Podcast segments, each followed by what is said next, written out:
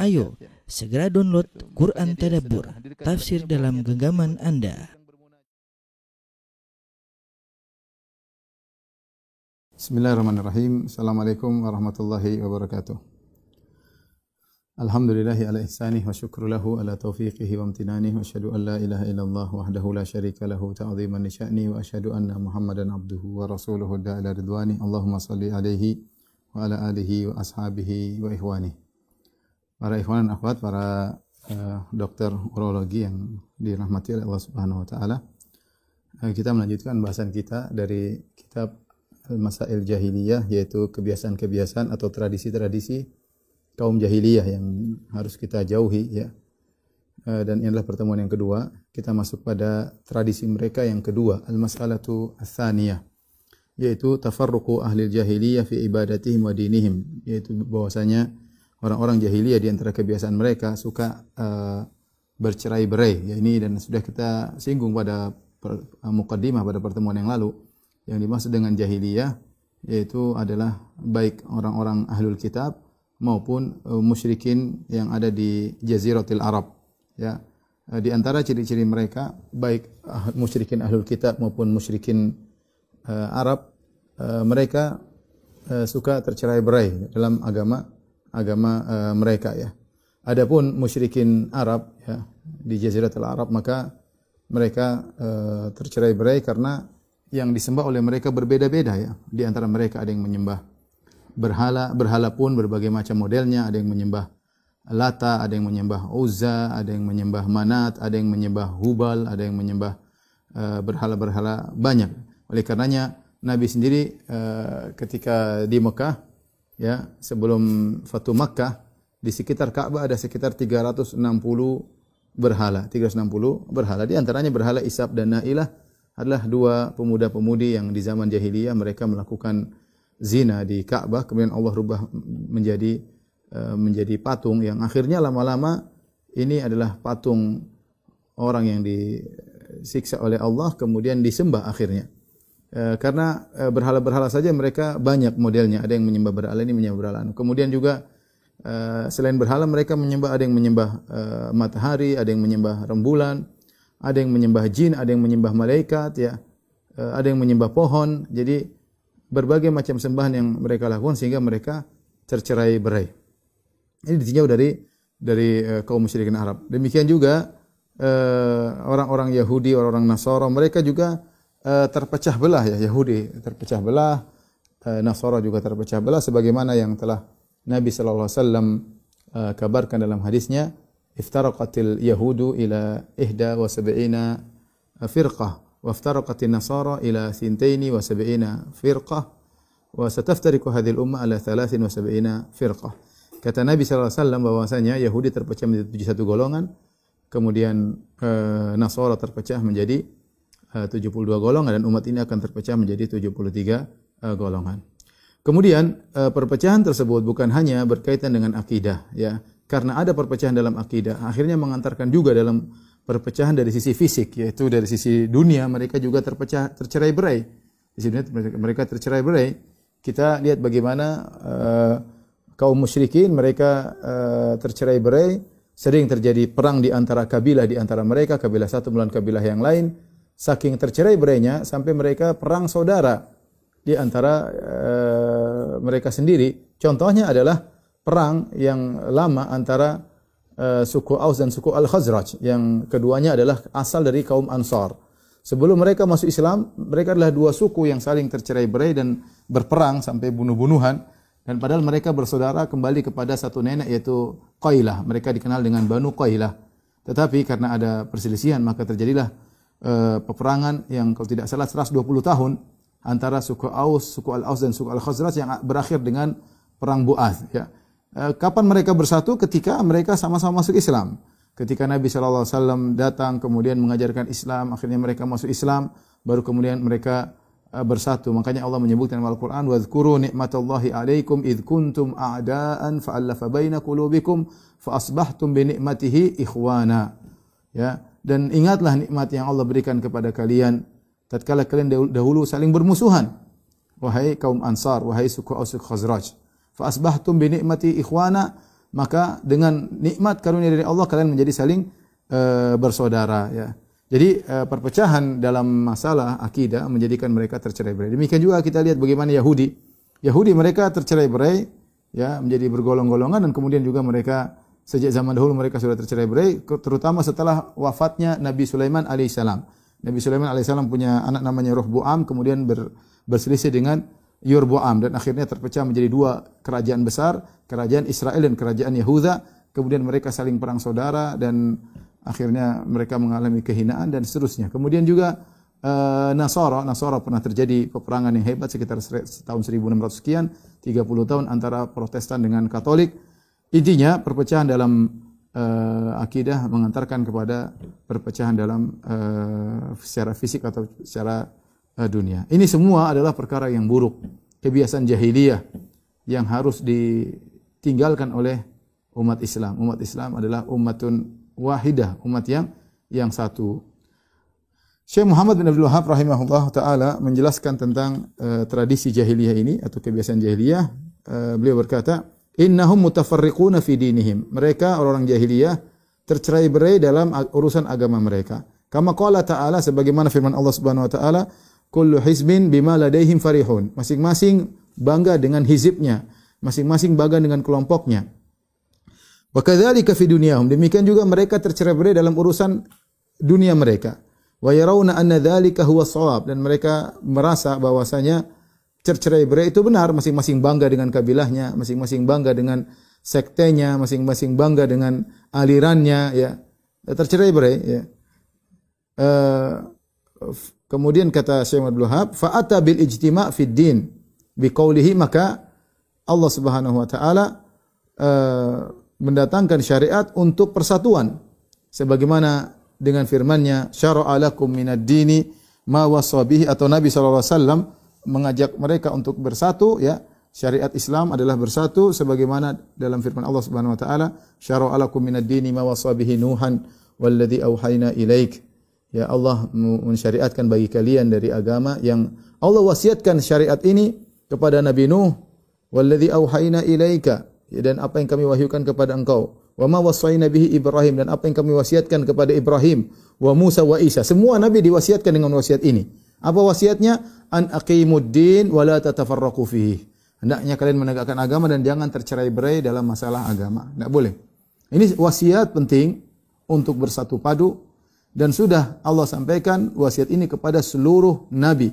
Dari Nabi Nuh dan seterusnya sampai uh, Ibrahim, Musa dan Isa dan juga kepada Nabi Muhammad SAW wan an aqimud dina wa la tatafarraqu fihi. Hendaknya kalian menegakkan agama dan jangan kalian tercerai-berai.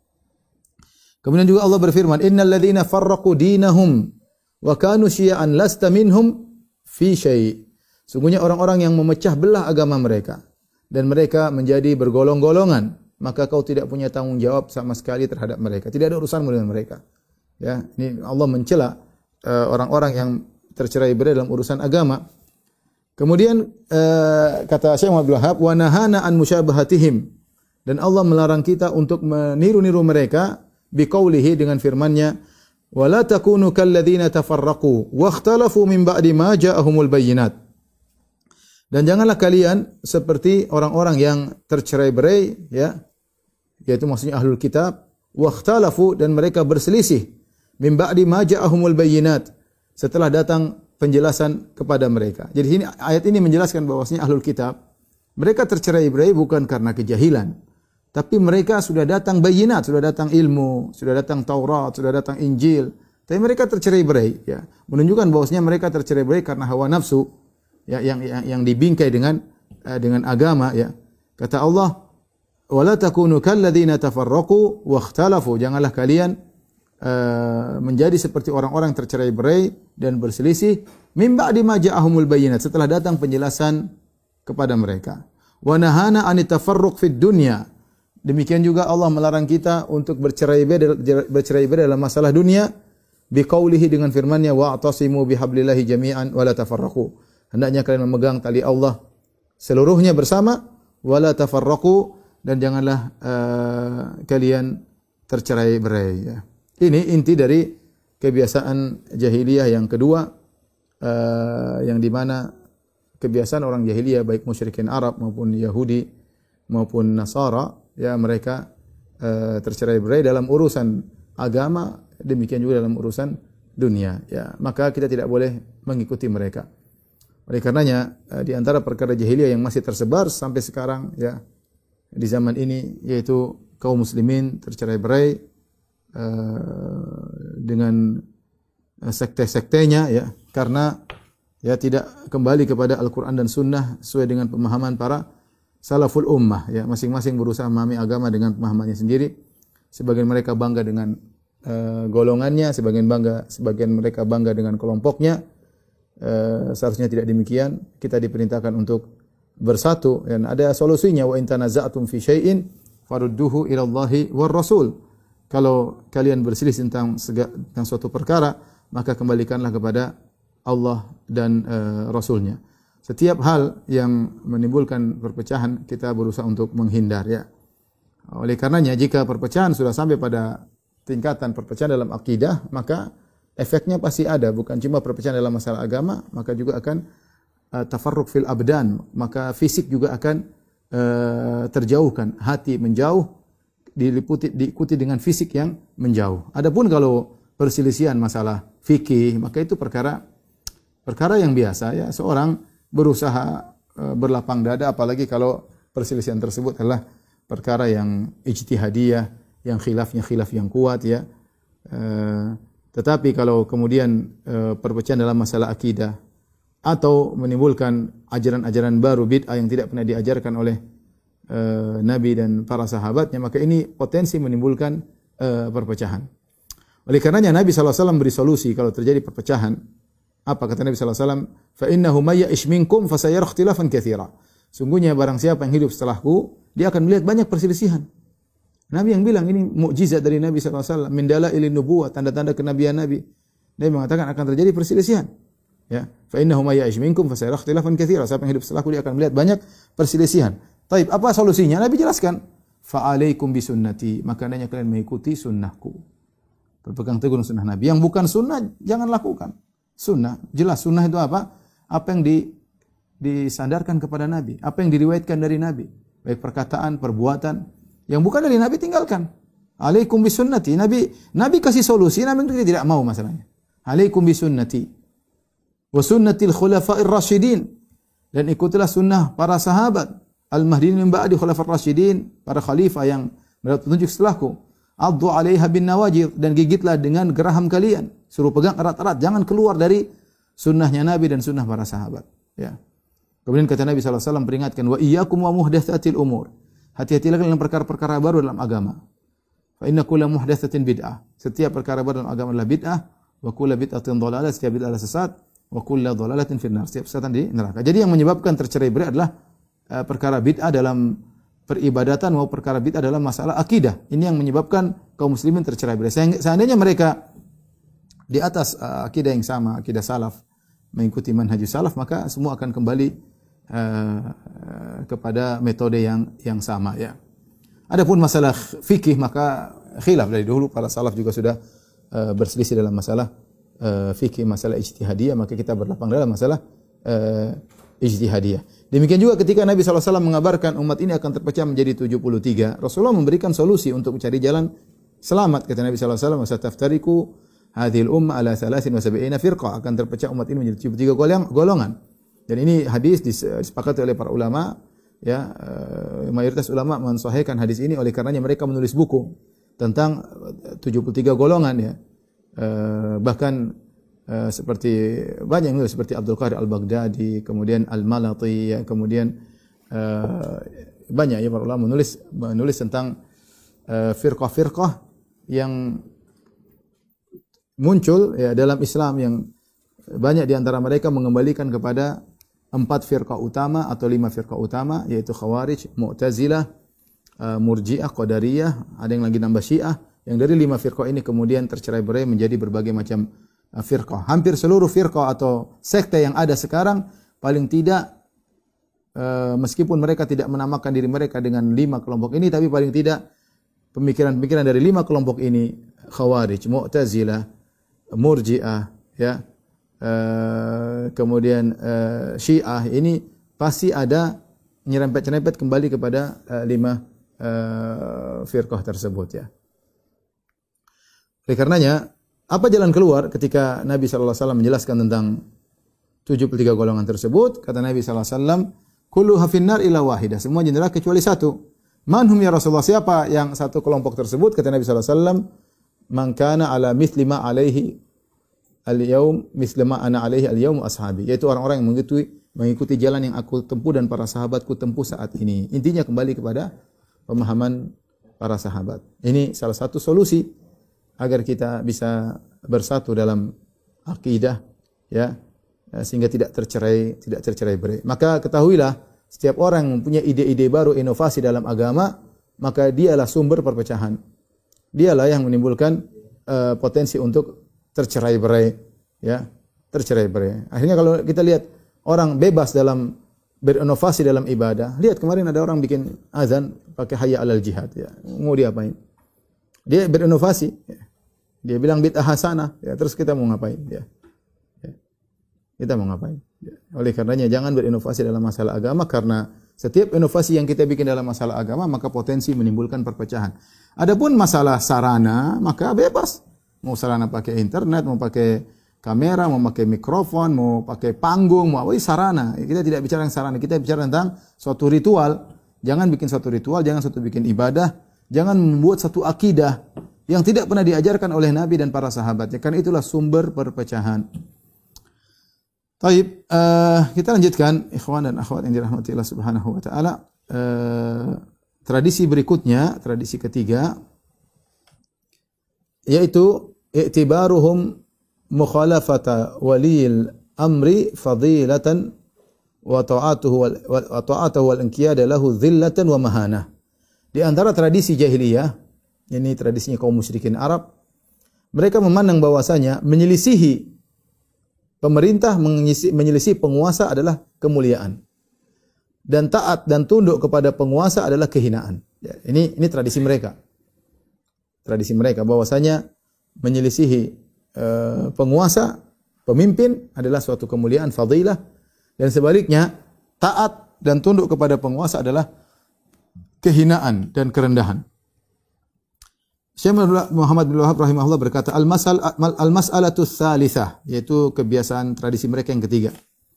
Inna mukhalafata waliyil amri wa adamal inqiyadi lahu fadilatun, yaitu mereka menganggap bahwasanya menyelisih pemimpin dan tidak tunduk kepada pemimpin merupakan kemuliaan. Wasam'a wa ta'ata lahu dhullun wa mahana. Adapun mendengar dan taat kepada pemimpin adalah kehinaan dan kerendahan. Fakhalafahum Rasulullah sallallahu alaihi wasallam. Maka Rasulullah SAW menyelisih mereka. Rasulullah SAW ingin menyelisih tradisi ini. Ini tradisi buruk. Ya. Wa amara bisam'i wa ta'a lahum wan nasihah. Dan Allah dan Nabi memerintahkan untuk mendengar dan taat ya kepada penguasa dan berusaha menasihati penguasa wa ghalladha fi dzalika wa abda wa aada dan Rasulullah kencang dalam masalah ini untuk taat kepada pemimpin. Dan Rasulullah mena, apa mengulangi, menampakkan, menjelaskan dan mengulangi-ulangi masalah ini. Terlalu banyak. Makanya kalau kita buka Sahih Muslim aja kita akan dapati betapa banyak hadis yang melarang untuk memberontak kepada pemerintah meskipun penguasa meskipun zalim. Dan ini uh, hobi untuk uh, menyelisihi, hobi untuk uh, memberontak adalah hobinya jahiliyah, hobinya jahiliyah. Ya. Kemudian beliau berkata, "Wa hadhil masailu thalath" dan tiga perkara ini itu uh, menyelisihi tiga tradisi jahiliyah, hiya lati jama'a bainaha fi ma sahha fi sahih. Inilah yang Rasulullah SAW kumpulkan dalam satu hadis yang sahih dalam sahih Muslim bahwasanya Rasulullah SAW bersabda, "Inna Allah yarda lakum thalathan." Sungguhnya Allah ridha kepada kalian tiga perkara. An ta'buduhu wa la tusyriku bi syai'a. Pertama kalian beribadah kepada Allah semata dan tidak berbuat kesyirikan. Yang kedua wa anta atasimu bihablillah jami'an wa la tafarraqu. Kalian berpegang teguh dengan tali Allah dan jangan tercerai-berai. Perkara yang kedua, menyelisih kebiasaan jahiliyah. Yang ketiga, wa antunasihu man wallahu Allahu amrakum. Dan hendaknya kalian menasihati orang yang Allah menjadikan dia penguasa kalian. Hadis sahih riwayat uh, Muslim. Tiga perkara ini sudah uh, yang kita bahas. Perkara pertama tradisi jahiliyah adalah mereka berbuat syirik beribadah kepada Allah dengan melalui perantara. Yang kedua mereka hobinya tercerai berai dalam urusan agama dan uh, dunia. Yang ketiga hobinya menyelisihi penguasa. Rasulullah bantah ini semua dalam satu hadis agar kita kaum muslimin menyelisih tiga tradisi mereka ini. Yang pertama, jangan syirik. Kata Nabi SAW tadi, Inna Allah yardha lakum thalathan. Allah ridho kepada kalian tiga perkara. Anta budu wa la tusyriku bihi. Kalau kalau kaum musyrikin berbuat syirik, kalian jangan berbuat syirik. Kemudian kalau kaum musyrikin tercerai berai, maka kata kata Nabi Allah ridho kepada kalian wa anta atasimu bihablillahi jami'an wa la tafarraqu. Hendaknya kalian bersatu padu dan jangan tercerai berai. Kalau mereka suka menyelisihi penguasa, kemudian uh, memberontak kepada penguasa, maka Rasulullah mengatakan Allah ridho kepada kalian antana antuna tanasahu atau antu nasihu mawallahu Allahu amrakum. Itu kalian menasihati orang yang Allah jadikan dia berkuasa atas kalian. Kemudian kata Syekh Muhammad bin Abdul Wahab rahimahullahu taala, "Walam yaqa khalalun fi dinin nas wa dunyahum illa bisababil ikhlal fi hadhihi thalathi aw ba'dihha." Dan tidaklah terjadi kesalahan atau ketimpangan dalam agama manusia atau dalam urusan dunia mereka. Perhatikan ini. Tidak tidak terjadi ketimpangan dalam urusan agama dan dunia masyarakat kecuali karena ada kepincangan atau ketimpangan dalam tiga perkara ini atau salah satu atau sebagiannya. Ya. Kalau tiga perkara ini kita kerjakan dengan baik, tidak berbuat syirik dan bertauhid dan tidak berbuat syirik, bersatu padu tidak tercerai berai, menasihati penguasa ya,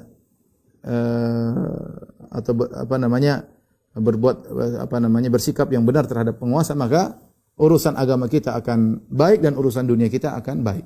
Tidaklah urusan agama kita menjadi pincang dan tidaklah urusan dunia kita menjadi pincang kecuali kita melanggar tiga perkara ini atau sebagiannya. Ini perkara yang ketiga, kebiasaan ketiga, ikhwan dan akhwat yang dirahmati Allah Subhanahu wa taala. Uh, kebiasaan orang jahiliyah, terutama orang musyrikin Arab yang mereka susah, suka mereka merdeka, tidak suka di bawah pimpinan seorang pun ya. Dan itu sampai terkadang itu kebiasaan yang ada pada uh, orang Arab, terkadang terbawa sampai sekarang. Saya pernah hajian, Kajian kemudian saya bawa uh, uh, apa namanya seorang syekh untuk pergi ke kemah-kemah untuk ceramah. Ya, kita dapati sebagian grup ya, sebagian grup ya ada grup ibu-ibu, ada pimpinannya ibu-ibu ya. Grup haji. Kalau dibilang sama ibu pada lain nurut, ibu ini bilangnya nurut subhanallah sampai orang Arab ini bilang, "Masya Allah, ibu-ibu bisa ngatur mereka." Kita sebagian orang Arab ini maunya kepalanya ngatur kepalanya sendiri. Masing-masing mau punya ngatur kepala sini. Orang Indonesia, masya Allah, orang Indonesia asalnya nurut, asalnya mudah nurut. Saya tahu nurut. Tapi sebagian orang Arab mereka mengaku bahwasanya mereka punya uh, masih punya keinginan untuk tidak diatur oleh orang lain. Bahkan ini kebiasaan jahiliyah, yaitu merasa bahwasanya kalau tunduk kepada orang ada kehinaan. Justru bisa menantang, bisa membangkang, itu kemuliaan, kebanggaan, kebanggaan bagi mereka. Makanya Rasulullah SAW menekankan dalam banyak hadis kata Nabi SAW, "Man mata wa ala wa laysa ala unuqihi bai'ah mata mitatan jahiliyah." Barang siapa yang meninggal sementara dia tidak dalam tidak ada baiat yang dia ambil tidak tidak ada di lehernya ada baiat itu tidak membaiat kepada imam mana pun, jika dia mati maka matinya seperti matinya orang jahiliyah. Famata mitatan jahiliyah artinya meninggalnya seperti orang jahiliyah yang tidak suka punya pemimpin. Maka tadi kata Syekh Abdul Wahab, fa'abda wa a'ada.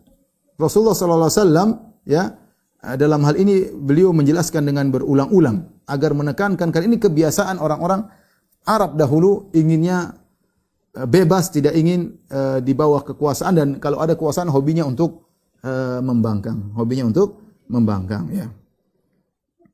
Ikhwan dan akhwat yang dirahmati oleh Allah Subhanahu wa taala, oleh karenanya datang dalam Al-Qur'an Allah menyuruh kita untuk taat kepada penguasa. Ya ayyuhalladzina amanu atiullaha wa atiur rasul wa ulil amri minkum. Wahai orang yang beriman taatlah kepada Allah. Taatlah kepada Rasulullah. Wa ulil amri minkum dan taatlah kepada penguasa pengatur urusan kalian. Ulil amri uh, diartikan di antaranya adalah ulama yang mengatur urusan agama dan ulil amri di antaranya adalah penguasa yang mengurus urusan kalian. Kita kita ada penguasa, kita ada pemimpin yang ngatur urusan kita, ngatur ekonomi kita, ngatur keamanan kita, ngatur stabilitas uh, apa negara ya. Ada ada penguasa jelas ya. Mau tidak mau kita ada penguasa ya. Mereka itulah yang diperintahkan kita untuk taat kepada uh, kepada penguasa ya. Ya. Justru kata Syekh Utsaimin rahimahullahu taala kita taat kepada penguasa justru ditekankan pada perkara-perkara yang tidak ada dalilnya. Kalau ada dalilnya ya sudah nggak usah pakai penguasa kita taat kepada Allah dan Rasulnya Kalau penguasa suruh kita sholat, ya nggak usah nggak usah ada perintah pun kita akan sholat. Kalau penguasa suruh kita uh, pua, berpuasa, ya kita nggak perlu perintah dari ulil amri. Allah sudah perintahkan puasa, Nabi sudah perintahkan puasa. Ketika Allah mengkhususkan ati Allah wa ati Rasul, taatlah kepada Allah, taatlah kepada Rasul, karena Allah di, di, ditaati secara merdeka, Rasulullah ditaati, ditaati secara merdeka, adapun ulil amri, Allah tidak mengulangi kata atiu. Allah hanya mengatakan ati Allah wa ati Rasul wa ulil. Allah tidak mengatakan wa atiu ulil amri, tapi Allah mengatakan taatlah kepada Allah, taatlah kepada Rasul dan ulil amri. Kenapa? Karena taat kepada ulil amri dia tidak merdeka. Syaratnya tidak boleh kepada kemaksiatan karena Nabi SAW berkata la ta'ata li makhlukin fi maksiatil khaliq. Tidak boleh taat kepada makhluk dalam rangka bermaksiat kepada Allah. Tetapi kalau perintahnya bukan maksiat, maka hukum asalnya kita taat kepada penguasa. Maka saya berharap kawan-kawan menjadikan ini sebagai lahan ibadah. Ya. Kita kita kita beribadah sesuai dengan aturan, bukan ikut hawa nafsu kita. Jangan kita hanya taat kepada Allah dalam urusan uh, haji, dalam urusan salat, tapi ketika dalam urusan bermuamalah dengan penguasa kita nggak taat. Ya akhi yang yang nyuruh kita untuk salat, yang nyuruh, kita untuk berbakti kepada orang tua, yang menyuruh kita untuk ibadah, yang menyuruh kita untuk berakhlak mulia Rasulullah SAW. Dia pula yang menyuruh kita untuk muamalah yang benar terhadap penguasa. Dia pula yang menyuruh. Apa kita hanya beriman kepada sebagian hadis dan meninggalkan sebagian hadis? Allah yang mengatakan sekarang, "Ati Allah wa ati Rasul lil amri minkum." Taat kepada Allah Rasul dan kepada para penguasa. Karena masalahnya jelas ya, kita gunakan kita akal kita gunakan kita. Kalau semua orang tidak taat, maka tidak ada negara, hancurlah kita. Hancurlah kita. Negara dengan berbagai macam kelebihan dan kekurangannya ya, tetap saja kita perlukan. Kita perlu punya negara yang bisa mengayomi kita, yang bisa dengan negara tersebut kita menjalankan kemaslahatan kita, baik kemaslahatan agama maupun kemaslahatan dunia. Jelas kita perlu negara. Ya. Kalau ada kemudian ajaran-ajaran seruan-seruan untuk tidak menganggap negara ini ada, maksudnya apa ya akhi? Maksudnya kita bebas kacau begitu, maksudnya negara ini buang aja, maksudnya bagaimana? Ya, maksudnya bagaimana? Allah yang mengatakan, "Ati Allah, ati Rasul, wa amri minkum." Taatlah kepada penguasa. Ini ibadah. Ya, ibadah. Saya, saya ingin mengajak bahwasanya kita sedang beribadah ketika kita bermuamalah dengan penguasa dengan muamalah yang benar. Kalau dia nyuruh kepada maksiat, jangan ikuti. Kalau dia mengeluarkan hal-hal yang haram, jangan kita aminkan, jangan. Jangan kita benarkan. Tapi ada aturannya ketika mereka berbuat salah, ada aturannya ketika berbuat zalim, ada aturannya ketika mereka menyuruh kepada perkara yang baik. Harus kita taati. Contoh mereka buat peraturan-peraturan yang kita tahu maslahat dan banyak banyak peraturan-peraturan yang terjadi di dunia pemerintahan kenegaraan ya tidak ada nas tidak ada nas khusus dari Al-Qur'an maupun sunnah tetapi ini perkara ijtihadi yang tinggal kita lihat ini menyelisih dalil atau tidak. Ini dijelaskan oleh di antaranya Al-Alusi dalam kitabnya Ruhul Ma'ani ya eh, bahwasanya banyak perkara-perkara eh, ya, ya, yang yang di dunia kenegaraan ya, ya hanya butuh istihad. Seperti kita bicara masalah kita di RT, kita ada urusan RT, urusan urusan misalnya uh, kerja bakti, kapan ketemuan, rapat ini enggak itu enggak ada Al-Qur'an hadis enggak ada, tapi ini melihat masalah yang penting dalam Al-Qur'an disuruh kita saling tolong menolong dalam kebaikan jelas. Dalam Al-Qur'an disuruh kita uh, bermusyawarah jelas ya sudah adapun bermusyawarahnya kapan, tugasnya apa, kerja baktinya mulai jam berapa, kalau tidak datang sanksinya apa yang enggak ada dalam Al-Qur'an dan Sunnah. Demikian juga dalam urusan kenegaraan banyak seperti itu. Maka ada perkara-perkara ijtihadiyah yang kemudian tarik ulur. Tapi kalau pemerintah sudah mengeluarkan suatu keputusan ya, yang mereka punya uh, punya pertimbangan dan yang lainnya, kalau memang itu benar-benar bukan maksiat, harusnya kita taat. Tapi kalau gitu yakin itu maksiat, nggak usah ditaati. Dan banyak yang bermasalah. Contoh seperti eh, wajibnya surat nikah. Kalau nikah harus ada surat nikah. Itu masalah nggak masalah. Taat kemudian eh, taat kepada rambu-rambu lalu lintas, itu maslahat enggak? Ada yang bilang enggak maslahat? Atau kita di Jakarta enggak usah pakai rambu lalu lintas? Kalau Anda tahu itu maslahat, taat. Ya. Ustaz, tapi mereka itu urusan mereka dengan Allah. Kita kita diperintah oleh taat.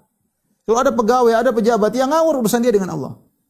Anda sedang beribadah diperintah oleh Allah untuk taat pada perkara yang baik.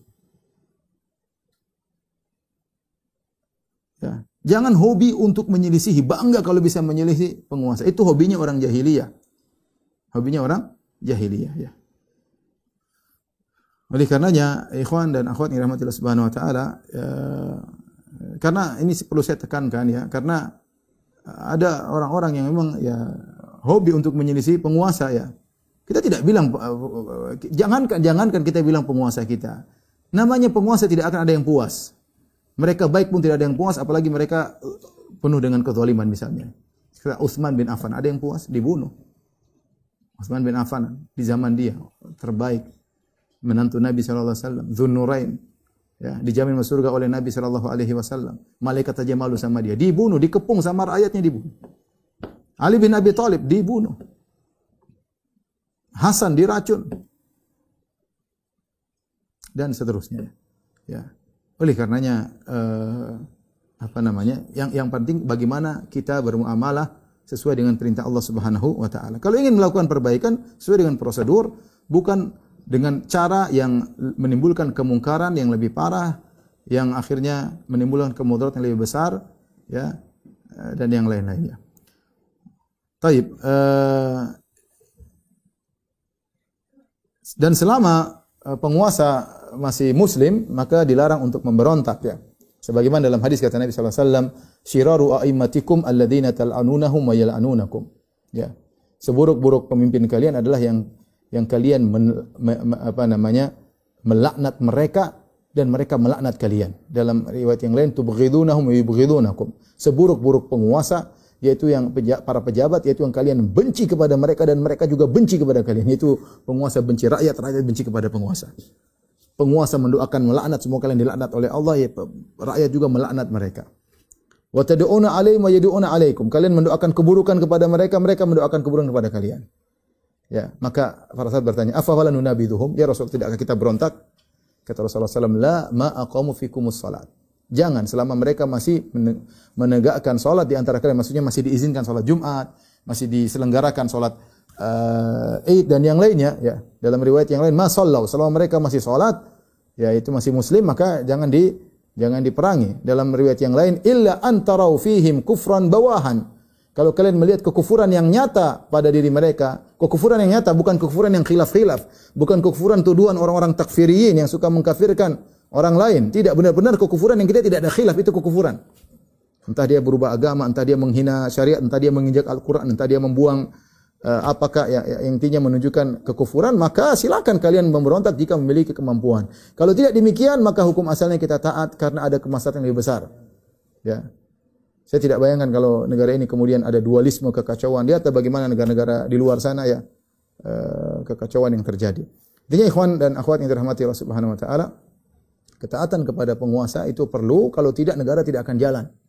Tentu taat kepada yang yang maslahat. Kalau maksiat maka jangan diikuti karena Rasulullah melarang kita taat kepada perkara kemaksiatan.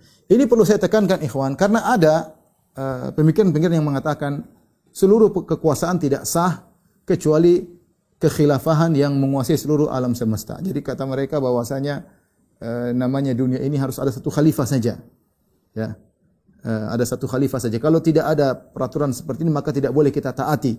Berarti tidak sah seluruhnya. Dan ini pemikiran yang berbahaya yang membuat kekacauan di seluruh umat Islam. Sekarang kita negara Islam ada berapa? Banyak negara Islam. Ada Indonesia, ada Malaysia, ada Urdun, ada Saudi, ada Kuwait. Coba kalau semuanya disebarkan pemikiran seperti ini. Semua rakyat di negara tersebut semuanya tidak menganggap pemerintahnya harus ditaati. Kira-kira bagaimana?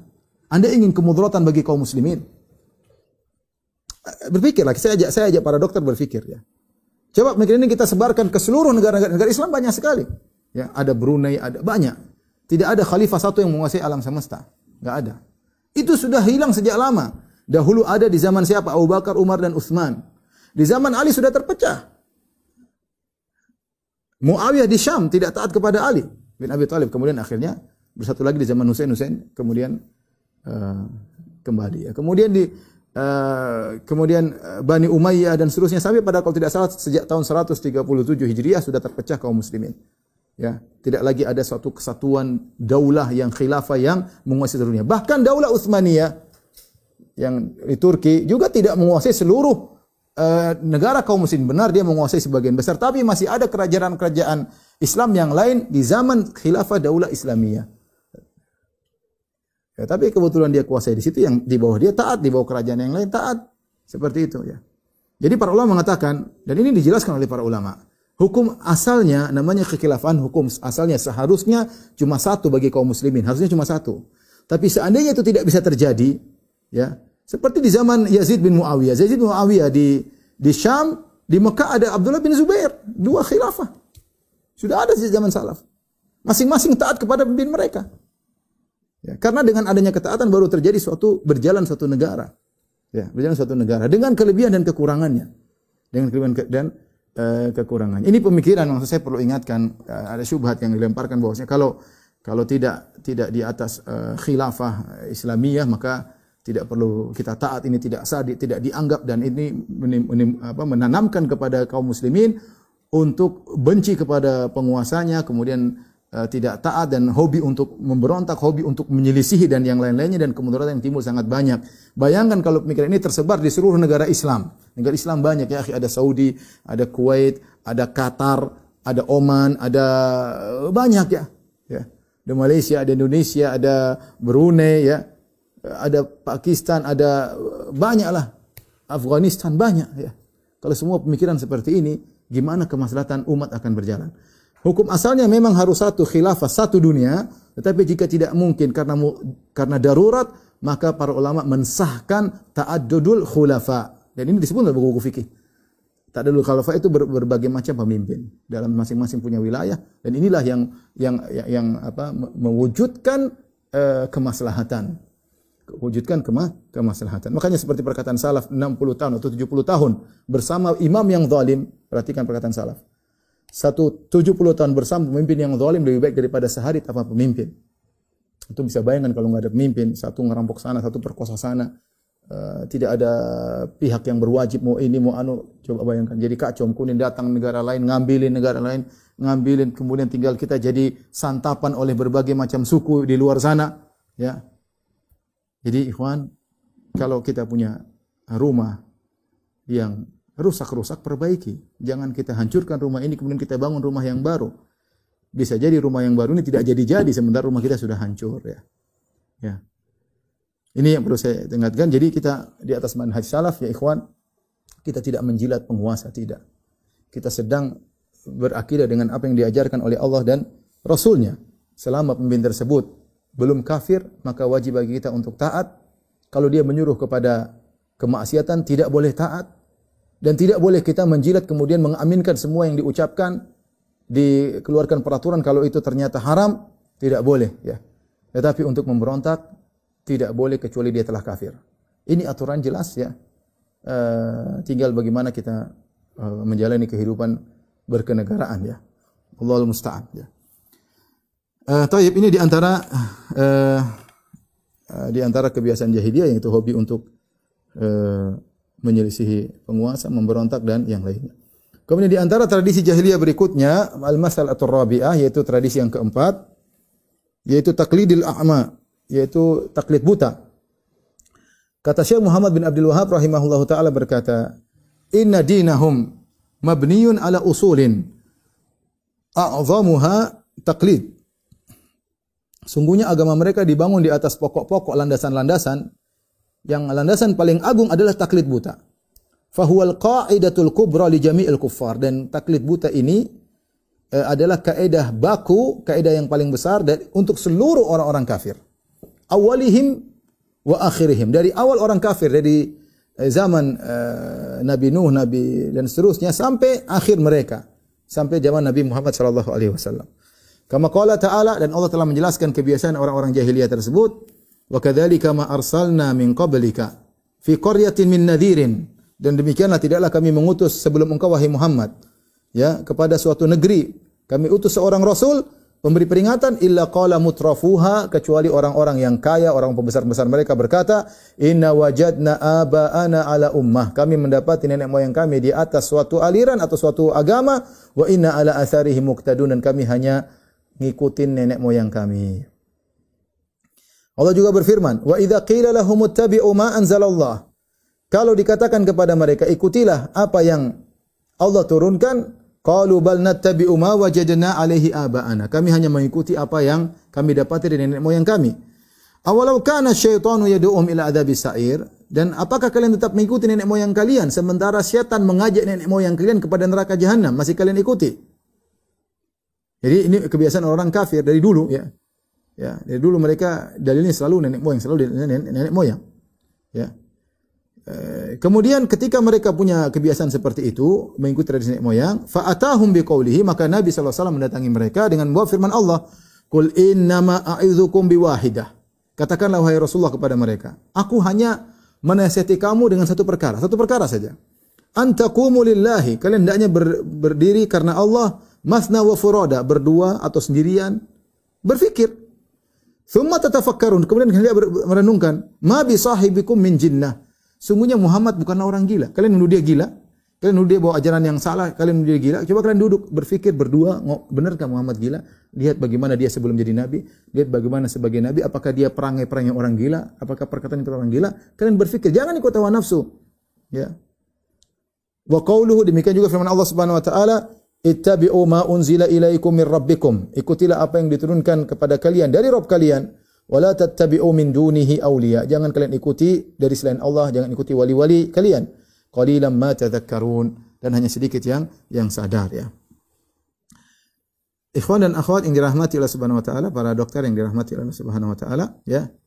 Uh, inilah di antara kebiasaan orang-orang uh, jahiliyah dari awal sampai akhir ya. Kalau dinasihati mereka selalu mengatakan ini agama nenek moyang kami ya. Jadi nama Nabi Dawud, Nabi Hud ya, uh, Nabi Saleh ya. Kata mereka, "Ya Hudu ma ji'tana bi bayyinatin wa ma nahnu bitariki alihatina an qaulik wa ma nahnu laka bimu'minin." Kata mereka, "Wahai Hud, ya. Ma ji'na bi ma ji'tana bi bayyinatin." Kau tidak membawakan dalil argumentasi bagi kami. Dan kami ma nahnu bitariki alihatina dan kami tidak akan meninggalkan ya sembahan-sembahan kami ya. Qauli gara-gara perkataan ya. Semuanya mereka selalu berdalil dengan apa namanya nenek moyang. Ibrahim ketika bertanya, "Ma hadhi tamathilu antum laha akifun?" Apa ini berhala-berhala kalian kenapa nongkrong di sini beribadah kepada berhala? Mereka mengatakan, "Wajadna aba'ana." Kami dapat nenek moyang kami beribadah kepada berhala-berhala ini. Ya. Laqad kuntum antum wa aba'ukum fi dhalalim mubin. Kata Ibrahim, kalian dan nenek moyang kalian semua dalam kesesatan yang yang nyata ya. Jadi uh, di antara uh, dalil mereka selalu taklid buta kepada uh, uh, nenek moyang uh, mereka, nenek moyang nenek moyang mereka ya. Oleh karenanya uh, kita katakan nenek moyang bukanlah dalil ya. Nenek moyang bukanlah dalil. Kalau kita jadikan nenek moyang sebagai dalil, maka nenek moyang siapa yang mau kita jadikan dalil ya? Nenek moyang siapa? Jadi kalau ada orang kita nasihati kemudian uh, nenek moyang saya begini, ya kita bilang, aduh ini ini kebiasaan jahiliyah, tidak boleh dalil Al-Quran dan Sunnah. Kalau orang Islam dalil Al-Quran dan Sunnah, jangan hanya sekedar uh, taklid buta, jangan hanya sekedar taklid taklid buta ya.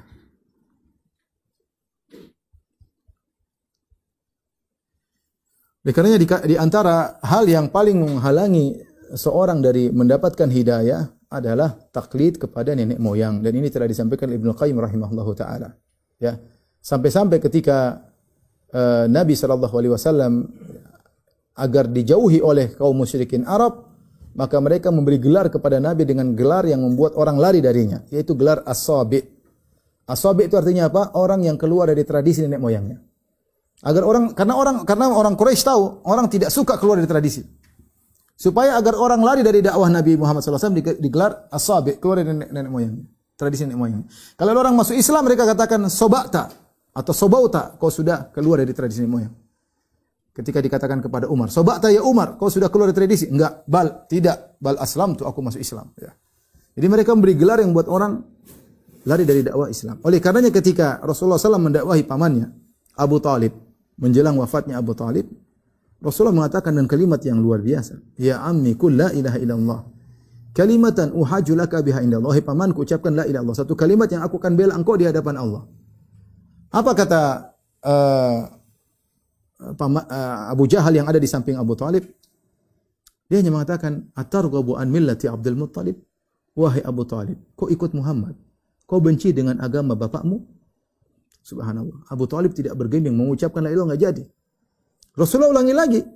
Qul ya ammi la ilaha illallah kalimatan uhajju laka bi Allah. Ya paman ucapkan la ilaha Satu kalimat yang aku bela engkau di hadapan Allah.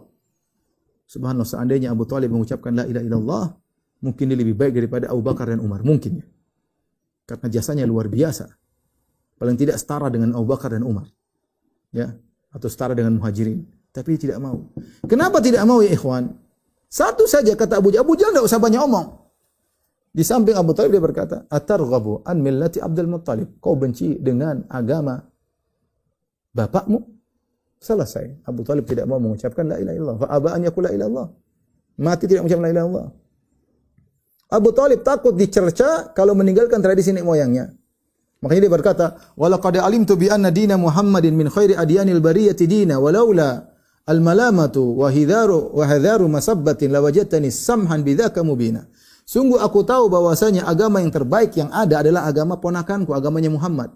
Kalau bukan karena aku takut tercela dan cercaan tentu kau akan dapati aku untuk sudah masuk Islam. Tapi dia nggak masuk Islam. Karena berpegang teguh dengan tradisi nenek moyang.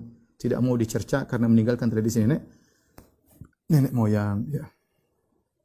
Ini di antara hal yang paling menghalangi seorang dari kebenaran ya. Kita tahu kita masing-masing punya tradisi. Namanya tradisi sulit dirubah. Tapi kalau kita karena Allah, tradisi bisa kita rubah. Kita jangankan kita tradisi memang. Tradisi kita aja dari kecil, kita suka sesuatu, tahu orang bilang itu nggak boleh, berat bagi kita. Jadi misalnya kita tradisi musik, dari kecil main musik, tahu-tahu nggak boleh, berat ya. Apalagi tradisi dari nenek moyang. nenek saya dulu begini, dia dulu juga begini. Emang nenek moyang saya sudah salah dari dulu. Kalau kita bilang salah, wah tambah lagi mereka marah. Ya. Makanya ketika Allah bantah ya, Wa idza qila lahum ittabi'u ma anzalallahu qalu bal nattabi'u ma wajadna alaihi aba'ana awalau kana aba'uhum awalau kana syaitanu yad'uhum ila adzabis sa'ir. Dalam surat Luqman kata Allah jika dikatakan kepada mereka ikutilah apa yang Allah turunkan ya. Kata mereka kami tidak akan mengikuti kecuali apa yang dijalankan oleh nenek moyang kami. Awalau kana syaitan, apa kalian tetap akan ikut nenek moyang kalian? Kalau ternyata syaitan menyuruh nenek moyang kalian menuju neraka, kalian masih mau ikut ke neraka? Tapi demikianlah. Di antara kebiasaan jahiliyah adalah berdalil dengan tradisi nenek moyang. Tapi yang berikutnya yang kelima uh, di antara tradisi uh, jahiliyah adalah berdalil dengan al-aktsariyah dengan mayoritas tanpa melihat kepada dalil ya. Kalau mayoritas di atas dalil oke okay, baik. Tapi sekedar mayoritas sebagai sandaran kebenaran maka ini adalah kebiasaan jahiliyah. Kebenaran tidak dikenal dengan sedikit ataupun banyak. Terkadang kebenaran pengikutnya banyak, terkadang kebenaran pengikutnya sedikit. Yang kita perlu lihat adalah dalilnya, bukan jumlah pengikutnya. Syekh Muhammad bin Abdul rahimahullah berkata, "Inna min akbari qawaidihim di antara kaidah mereka yang terbesar al-iktirar bil akthar, terpedaya dengan jumlah yang banyak. Wa yahtajjunna bihi wa yahtajjuna bihi ala sihhati syai' dan mereka berdalil dengan jumlah yang mayoritas yang banyak atas benarnya sesuatu wa yastadilluna ala butlani syai' bi ghurbatihi wa qillati ahlihi dan mereka berdalil untuk menunjukkan suatu itu salah adalah pengikutnya sedikit atau ini suatu hal yang asing. Fa'atahum bi dhiddi dzalik maka Nabi mendatangi mereka dan menyelisih mereka. Wa awdahahu fi ghairi mawdhi'in min al-Qur'an dan Nabi jelaskan dalam lebih dari satu ayat dalam Al-Qur'an bahwasanya yang menjadi patokan kebenaran bukan jumlah yang banyak. Bahkan ikhwan dan akhwat yang dirahmati Allah Subhanahu wa taala, kalau kita lihat dalam ayat banyak sekali Allah mencela jumlah yang banyak. Ya, bukan berarti jumlah banyak salah, enggak. Bisa jadi benar pada jumlah yang banyak, bisa jadi benar pada jumlah yang salah ya. Tetapi kenyataannya yang banyak-banyak itu sering salah. Lihatlah Allah berfirman, "Wa in tuti aktsara man fil ardi yudilluka an sabilillah." Kalau kau mengikuti kebanyakan orang di atas muka bumi, maka mereka akan menyesatkan kau dari jalan yang lurus. Kita nggak usah jauh-jauh. Kita sekarang dunia ini berapa miliar orang Islam dibandingkan dengan orang Nasoro. Lebih banyak mana? Nah, mereka yang benar, kita yang salah karena mereka banyak kita sedikit. Mereka mungkin lebih pintar, lebih pintar, lebih cerdas mereka. Lebih cerdas, lebih canggih, lebih modern ya. IQ-nya lebih tinggi, terus mereka lebih benar, kita orang Islam lebih sedikit daripada orang Nasoro. Ya kalau kita berdalil dengan jumlah banyak orang Nasoro berdalil kata mereka kami yang benar. Jumlah kami lebih banyak. Itu gimana? Kata Allah, wa in tuti wa in tuti aktsara man fil ardi yudhilluka an sabilillah. Kalau kau mengikuti kebanyakan orang di atas muka bumi, mereka akan menyesatkan kau dari jalan Allah. Iyattabi'una illa dhanna wa inhum ila yakhrusun. Mereka tidak mengikuti kecuali hanya dugaan, mereka hanya mengira-ngira. Demikian dalam ayat yang lain kata Allah, "Walakinna aktsaran nasi la ya'lamun." Kebanyakan orang tidak mengetahuinya. Mayoritas manusia tidak mengetahuinya. Demikian juga Allah berfirman, "Wa ma wajadna li aktsarihim min ahad." Kami dapati kebanyakan mereka, mereka tidak memenuhi janji. In wajadna aktsarahum la fasikin. Dan kami dapati kebanyakan mereka fasik. Mayoritas mereka fasik. Sini. Uh, ternyata kalimat mayoritas mayoritas ini dalam Al-Qur'an banyak datang dalam bentuk celaan. Ya ya banyak datang dalam bentuk uh, celaan ya seperti juga iblis sudah mengatakan ya thumma la'atiyannahum min baini aydihim wa min khalfihim wa an aymanihim wa an syama'ilihim wa Kata iblis, ya Allah, aku akan goda mereka dari depan, dari belakang, dari kanan, dari samping. Dan kau akan dapati ya Robku. Kebanyakan mereka, mayoritas mereka tidak bersyukur. Ya. Makanya di antara sebagian salaf ada yang berdoa, Allah maj'alni minal qalil. Ya Allah, jadikanlah aku termasuk yang sedikit. Ya, seperti firman Allah, wa qalilun min ibadiyas syakur. Hanya sedikit dari hambaku yang bersyukur. Wa qalilum mahum. Hanya sedikit mereka yang beriman dan beramal soleh. Kata Allah subhanahu wa ta'ala. Oleh karenanya bisa jadi uh, uh, bisa jadi kebenaran pada jumlah yang sedikit. Seperti sabda Nabi sallallahu alaihi wasallam, "Badal Islam goriban, Fasayaudu ghariban kama bada'a fatuba lil ghuraba. Kata Nabi sallallahu alaihi wasallam, Islam datang dalam mulai mulai muncul dalam kondisi asing dan akan berakhir pula dalam kondisi asing. Maka beruntunglah orang-orang yang asing, ya. Yaitu alladzi yuslihun haina fasadan nas. Itu orang berbuat kebaikan tatkala masyarakat dalam kondisi rusak. Ya, yang yang yang asing. Dia berbicara tentang agama, tentang tauhid, tentang yang lain ya. Jadi uh, tidak tidak berarti bahwasanya kalau sedikit berarti salah. Bukankah Nabi SAW pernah mengatakan pada hari kiamat kelak, wa ra'aitun nabiyya wa ma'ahu rahtu. Ada seorang nabi dan pengikutnya cuma ar-rahat. Ar-rahat itu 3 sampai 9. 3 sampai 9, mungkin 7, mungkin 6, mungkin 8, mungkin 9. Nabi pengikutnya cuma 9. Kemudian Nabi Nuh alaihissalam, wa ma amana mahu illa qalil. Tidak ada beriman kepada Nabi Nuh kecuali sedikit. Berdakwah 950 tahun, 950 tahun yang beriman cuma 80 orang menurut pendapat yang terbanyak 80 orang. Kalau kita bagi 950 bagi 80 paling tidak satu orang dapat hidayah kita ambil rata 11 tahun untuk satu orang dapat hidayah. 11 tahun satu orang baru dapat hidayah. 950 tahun 80 orang. Sedikit. Kemudian kata Nabi SAW juga pada hari kiamat kelak, wa ra'aitun nabiyya wa ma'ahu rajulu wa. Ada nabi yang pengikutnya cuma satu, ada nabi pengikutnya cuma dua. Subhanallah. Ya, kita sekarang ustadz apa followersnya berapa. Nabi cuma tinggal satu. Ada yang dua. Kemudian kata Nabi, wan nabi walaysa ma'au ahad dan ada nabi tidak ada pengikutnya sama sekali. Sendirian. Apakah dia gagal dalam berdakwah? Apakah yang dia sampaikan batil sehingga tidak ada pengikutnya? Ya, jangan terpedaya dengan jumlah yang banyak. Jumlah yang banyak bukan ukuran kebenaran. Kalau ukuran kebenaran jumlah banyak, Nasara lebih benar pada kita. Ya. Nasara lebih benar pada kita. Kalau bilang ukuran jumlah yang banyak benar, yang tidak pakai jilbab lebih baik daripada yang pakai jilbab.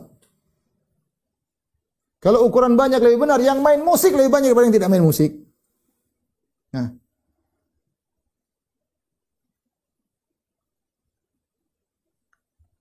Oleh karenanya, eh, kebenaran dinilai daripada sisi dalilnya, bukan dari jumlah banyak atau sedikit. Terkadang kebenaran memiliki banyak pengikut terkadang sedikit. Tapi jangan kita katakan kita banyak pasti benar, kita banyak pasti benar itu adat jahiliyah. Itu adat jahiliyah. Juga bukan mengatakan kita sedikit pasti benar, enggak sedikit juga ada yang sesat. sedikit juga ada yang sesat ya. Orang aku Tuhan, aku Tuhan ateis sedikit berarti lebih sedikit berarti benar. Ya. ya. Jadi intinya ikut pada dalil, jangan terpedaya dengan jumlah yang banyak. Mau banyak orang, mau 10 eh, juta orang, mau 100 juta orang kalau salah tetap salah. Masa sih banyak itu salah? Ya, Nasoro sebanyak miliar itu salah? Salah. Kafir kafir mau diapain? Ya. Jadi dalil adalah dalil bukan dikenal dengan dengan uh, jumlah banyak atau sedikit. Bisa jadi kebenaran bersama jumlah yang banyak, bisa jadi kebenaran bersama jumlah yang yang sedikit. Tapi kita masih ada waktu. Uh, perkara berikutnya ya. Kita berusaha secara singkat karena buku ini panjang ya. Ada 100 lebih kalau tidak salah. Uh, tradisi mereka. Tradisi yang keenam berdalil dengan perbuatan orang-orang terdahulu tanpa melihat sisi pendalilan mereka. Yang penting dilakukan orang-orang dulu, maka itu sudah benar. Dan ini dan ini mirip dengan yang tadi, ya, berdalil dengan taklid buta kepada nenek moyang, mirip ya. Kata Syekh Muhammad Wahab rahimahullah taala, al-ihtijaju bil mutaqaddimin. Berdalil dengan orang-orang terdahulu ka qaulihi ta'ala seperti firman Allah Subhanahu wa taala, Musa Firaun berkata kepada Musa, "Qala fama rabbukuma ya Musa?" Uh, apa kata kata Firaun, "Qala fama balul qurunil ula." Ketika Nabi Musa berdebat dengan Firaun, kata Firaun, "Wahai Musa, terus bagaimana dengan kaum-kaum yang telah lalu? Emang mereka salah juga?" Mereka dulu kan seperti saya, kata Firaun. Apa mereka salah juga? Ya, sama seperti juga uh, perkataan kaum Nabi Nuh kepada Nuh, "Ma sami'na bihadza fi aba'inal awwalin." Yang kau dakwahi, yang kau dakwakan wahai Nuh, tidak pernah kami dengar dari nenek moyang kami dahulu, tidak ada. Orang-orang terdahulu enggak ada yang pernah ngomong seperti kamu. Kau ini aneh, ya. Karena kita tahu generasi antara Nabi Adam dengan Nabi Nuh 10 generasi.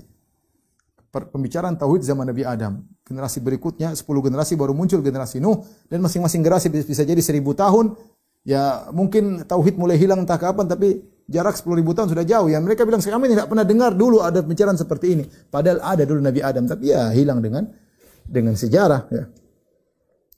Ini salah satu tradisi mereka berdalil dengan uh, dengan eh, perbuatan orang-orang terdahulu ya. Ya seperti perkataan kaum Nuh kepada Nabi Nuh alaihissalam, "Ma hadza illa basyarum mithlukum." Nuh ini tidak lain hanyalah manusia seperti kalian wahai kaum Nuh. Yuridu an yatafaddala alaikum. Dia itu berdakwah hanya ingin supaya dimuliakan, jadi pemimpin. Walau Allahu kalau Allah berkehendak, la anzala malaika. Kata mereka, jangan Allah kalau Allah berkehendak, Allah turunkan rasul dari kalangan malaikat. Jangan Nuh yang dijadikan rasul. Masa mi'na bihadza fi aba'inal awwalin. Kami tidak pernah mendengar dakwah seperti Nabi Nuh ini dari nenek moyang kami dahulu, dari orang-orang terdahulu. Enggak ada.